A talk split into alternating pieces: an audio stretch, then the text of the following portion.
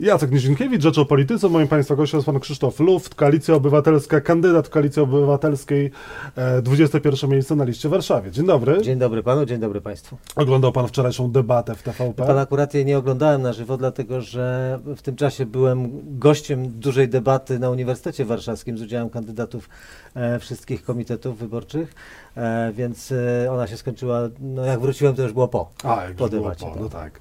E, ma Pan takie poczucie, że telewizja publiczna wspiera którąś ze stron, czy jednak, tak jak we wczorajszej tej debacie, No, było pana, to, to jest mało powiedziane, że wspiera.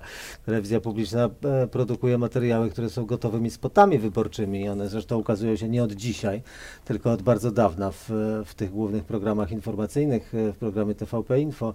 No ta telewizja e, robi ordynarną propagandę, taką partyjno-rządową od niemalże samego początku, a w tej chwili już no, jest to tak zmasowane, że trudno to inaczej traktować. No to jest bardzo smutna sprawa, dlatego że telewizja publiczna zawsze była jakoś tam przedmiotem zainteresowania polityków z różnych stron, prawda, Mhm. sceny politycznej. E, sam zresztą przecież też kiedyś byłem wyrzucony z telewizji publicznej jako e, przez lewicowy wówczas zarząd w związku z takim kontekstem politycznym, w związku ze swoją deklaracją, jakimiś tam poglądami politycznymi. Natomiast zawsze to było tak, że jednak jeżeli pewne zasady były naruszane, to to się odbywało z pewnym zawstydzeniem, z pewnym takim samokontrolą, z pewnym, z pewnym A teraz- hamulcem.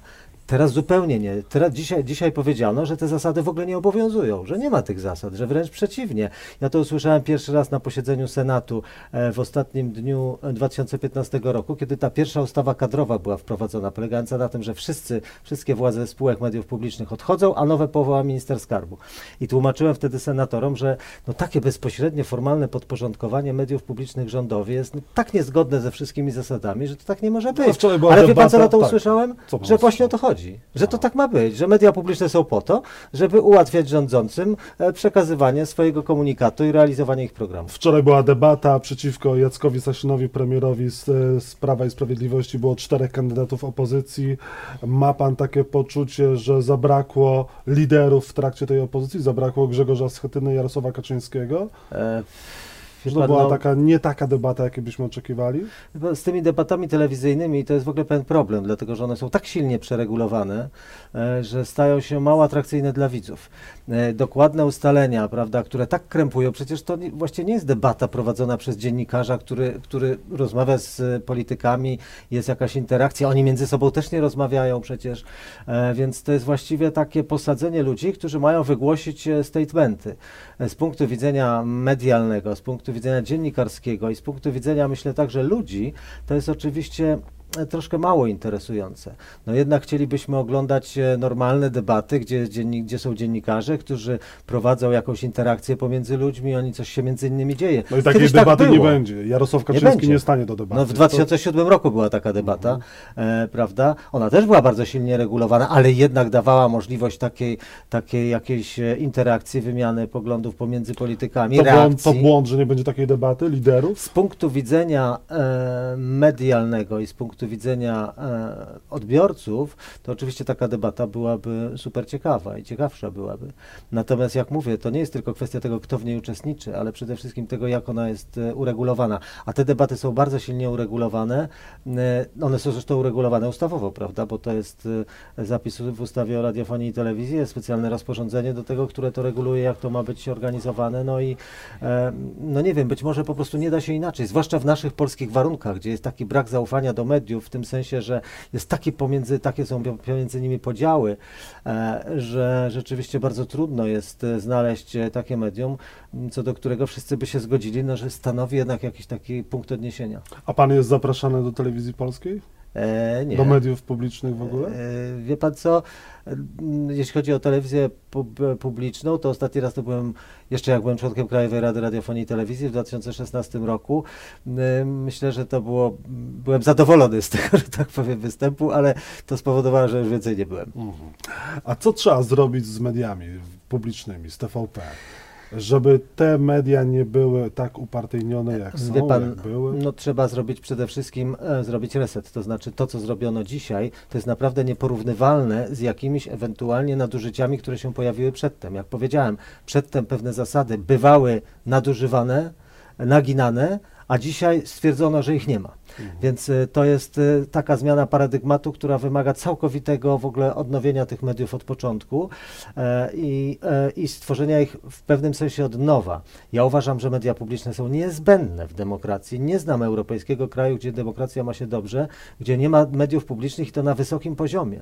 Tam, gdzie demokracja jest taka troszkę słabsza, jak na przykład kraje południa, e, Grecja czy Cypr, tam te media publiczne są dużo słabsze, albo bardzo skomercjalizowane, jak we W Włoszech. programie Prawa i Sprawiedliwości jest rozdział, jest fragment poświęcony mediom. Ma powstać nowe stowarzyszenie dziennikarskie. No pan, no to, to czego mi to pachnie zupełnie, to, to mi pachnie czymś bardzo nieciekawym, a właściwie czasami, które ja pamiętam, pan może mniej, ale czasami e, lat 80. E, weryfikacją dziennikarzy. Bo przepraszam bardzo, jak to ma się odbywać, że teraz ktoś będzie jakieś stowarzyszenie, powstanie, które będzie, to wiadomo kto to będzie to stowarzyszenie, przepraszam, to znaczy będzie tak, że za chwilę panowie Karnowscy i pan e, Sakiewicz będą na przykład e, e, przeprowadzali, e, będą stwierdzali, czy pan Nizinkiewicz albo pani Olejnik się nadają do zawodu dziennikarza. No, coś takiego jest absolutnie niemożliwe dzisiaj. No, to pachnie czymś naprawdę bardzo nieciekawym i wiem, z czego to wynika. Z czego to wynika? To wynika z tego, że Prawo i Sprawiedliwość zapowiadało i chciałoby bardzo przejąć nie tylko media publiczne, ale także media komercyjne. Ponieważ nie może tego zrobić e, i te zapowiedzi repolonizacji, jakiejś e, dekoncentracji, to są wszystko bardzo trudne projekty, prawie że niemożliwe do zrobienia, chyba że dopiero jak wyjdziemy z Unii Europejskiej. Natomiast na dzisiaj nie są możliwe. E, w związku z czym oni widząc niemożność swoją, próbują z jakiejś innej strony nałożyć kaganiec na media. Pan kandyduje do Sejmu po to, żeby uporządkować sytuację mediów publicznych? Między innymi to jest dla mnie bardzo ważne, bo wie pan, ja jestem wielkim patriotą mediów publicznych, tylko że my dzisiaj ich nie mamy w ogóle. Je trzeba zbudować od początku i co więcej, trzeba je zbudować lepiej i mądrzej, niż były one także przed pisem. Czyli tak co należy zrobić? E, należy więc zrobić? na, ja, uważam, ja uważam, że dwie rzeczy tutaj są bardzo ważne. Po pierwsze, trzeba zwiększyć udział, jak to się mówi, społeczeństwa, środowisk rozmaitych, które są zainteresowane e, tym, jak media publiczne funkcjonują, od twórców po e, środowiska, które, które są opisywane, nie wiem, związki zawodowe, a nawet kościoły, prawda, również e, środowiska samorządowe i tak dalej. Zwiększyć znacznie ich udział na kreowanie władz i na kontrolę działalności tych mediów. Te wzory istnieją. No taki bardzo rozwinięty wzór to jest niemiecki na przykład. E, to jest jedna rzecz, czyli jak gdyby zwiększyć udział, e, e, odsunąć politykę. Polityki się nie da wyłączyć i polityków nie da się wyłączyć z, tego, z tej całej sprawy mediów publicznych, ale trzeba we właściwych proporcjach to ustawić. A druga sprawa, to uważam e, takie przekonstruować, ja mam pomysł na taką restrukturyzację, żeby one były bliżej ludzi, bliżej ludzkich spraw, jak to się mówi. E, w jaki sposób? Otóż uważam, że bardzo ważnym elementem takiej misji publicznej jest pewien taki charakter ich regionalny. Coś, co integruje ludzi wokół spraw, które są dla nich ważne i to można robić w ramach pewnych mediów regionalnych. Dlatego też uważam, że należałoby rozczłonkować telewizję polską i zbudować silne ośrodki mediów regionalnych na bazie ośrodków telewizyjnych, rozgłośni regionalnych, które akurat były zawsze najzdrowsze, no i oczywiście działalności w internecie. I takich 16 bardzo silnych ośrodków mediów regionalnych to by była naprawdę petarda, można powiedzieć, bo zwłaszcza, że dzisiaj mediów regionalnych no, jest tym, z tym bardzo źle. E, oczywiście, a, a drugie to by były te centralne, natomiast e, to by bardzo silnie podkreślało taki bliższy związek tych mediów e, ze sprawami, które dotyczą ludzi blisko. E, 21 miejsce na liście daleko. Wie pan co, ja tej listy nie układałem, ja dostałem taką propozycję, ja ją prze, prze, przyjąłem, nie marudzę i chcę udowodnić, że jest możliwe wejście do Sejmu z 21 miejsca, zresztą nie pierwszy ja, bo tak już bywało i jestem przekonany, że to mi się uda. E. Nie ma pan problemu z tym, że jest na liście z Klaudią Jachirą? E, myśli pan o e, tym słynnym zdjęciu Bóg, honor, ojczyzna. Wie pan, ja w tej... O wielu sprawach. Tam było wiele wypowiedzi, No, ale również dotyczących Jeśli mogę o tym powiedzieć... katastrofy smoleńskiej. Jeśli mogę o tym powiedzieć, to jest tak. Ja również jestem e, głęboko zbulwersowany tym, jak mm, e, tradycja patriotyczna polska, symbole, ta, zwłaszcza ta z okresu II wojny światowej, jest wykorzystywana politycznie, jest e, e, zawłaszczana przez obecnie rządzących, a jeszcze bardziej bulwersuje mnie no, w, właściwie naigrywanie się z tych symboli i z tych, e, e, i z tych e, mm, haseł, wykorzystywanie ich przez środowiska, które, no nie wiem, jakichś chuliganów stadionowych, czy już nie mówiąc wprost neofaszystów, jakichś cymbałów, którzy mają na jednej ręce wytatuowaną swastykę, a na drugiej kotwicę Polski Walczącej. No to są rzeczy niebywałe, ale gdybym ja miał zaprotestować przeciwko temu, fotografując się przed pomnikiem Polski, e, tej podziemnej Armii Krajowej, to raczej sfotografowałbym się z moimi 95-letnimi rodzicami, obydwojgiem żołnierzami Armii Krajowej, tatą powstańcem Warszawy, pseudonim Lech, mamą, która była sanitariuszką w obozie przejściowym Dulak 121 w Pruszkowie i w ten sposób bym, e, bym e, że tak powiem, się temu przeciwstawiał. Ja jestem bardzo silnie przywiązany do tej tradycji, to jest coś, co jest dla mnie od dzieciństwa, że tak powiem, z mlekiem matki wyssane. I Klaudia Natomiast- nie rani, nie rani pańskich uczuć? E, No to już powiedziałem, jak ja bym zareagował. No Ja, tak. ja nie chcę oceniać innych. Ja bym powiedział, jak ja, e, każdy, każdy odpowiada sam za swoją kampanię. Ja Ja, mogę powiedzieć, jak ja bym e, odnosił się do tego zawłaszczania symboli patriotycznych. Bardzo mnie boli to, co się dzieje. To jest coś potwornego zupełnie. To rzeczywiście zawłaszczanie tych, tej, tej tradycji patriotycznej. W dodatku wykorzystywanie w jakiś taki śmieszny sposób, ta nieustanna szopka jakaś taka, wie pan, patriotyczno-historyczna, która zresztą tę historię bardzo mocno e, fałszuje. E, to jest e, coś, co jest moim zdaniem fatalne. To są te, te rzeczy sprzed lat 70, te, te wydarzenia sprzed 75-80 lat trzeba pamiętać, trzeba je nosić w sercu, ale nie można ich fetyszyzować. No, trzeba z nich wyciągać wnioski, a te wnioski są zresztą dla mnie proste. To są takie, że Polska osamotniona to jest droga do katastrofy.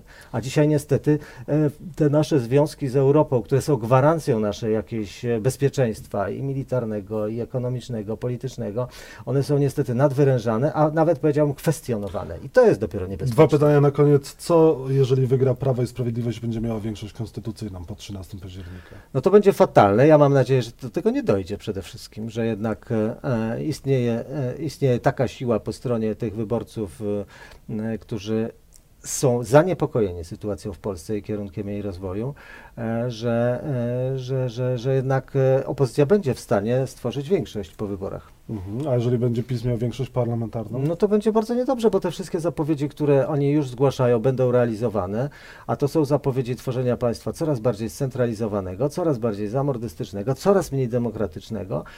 E, To niestety również będzie się odbijać e, na, na, na mediach, na mediach, e, takich niezależnych mediach, jak chociażby Rzeczpospolita. Przed nami wybory parlamentarne, później będą wybory prezydenckie. Koalicja Obywatelska szuka swojego kandydata na prezydenta. Nie wiadomo, czy Donald Tusk będzie kandydował, czy też Małgorzata Kidawa-Błońska lub ktoś z wewnątrz Platformy.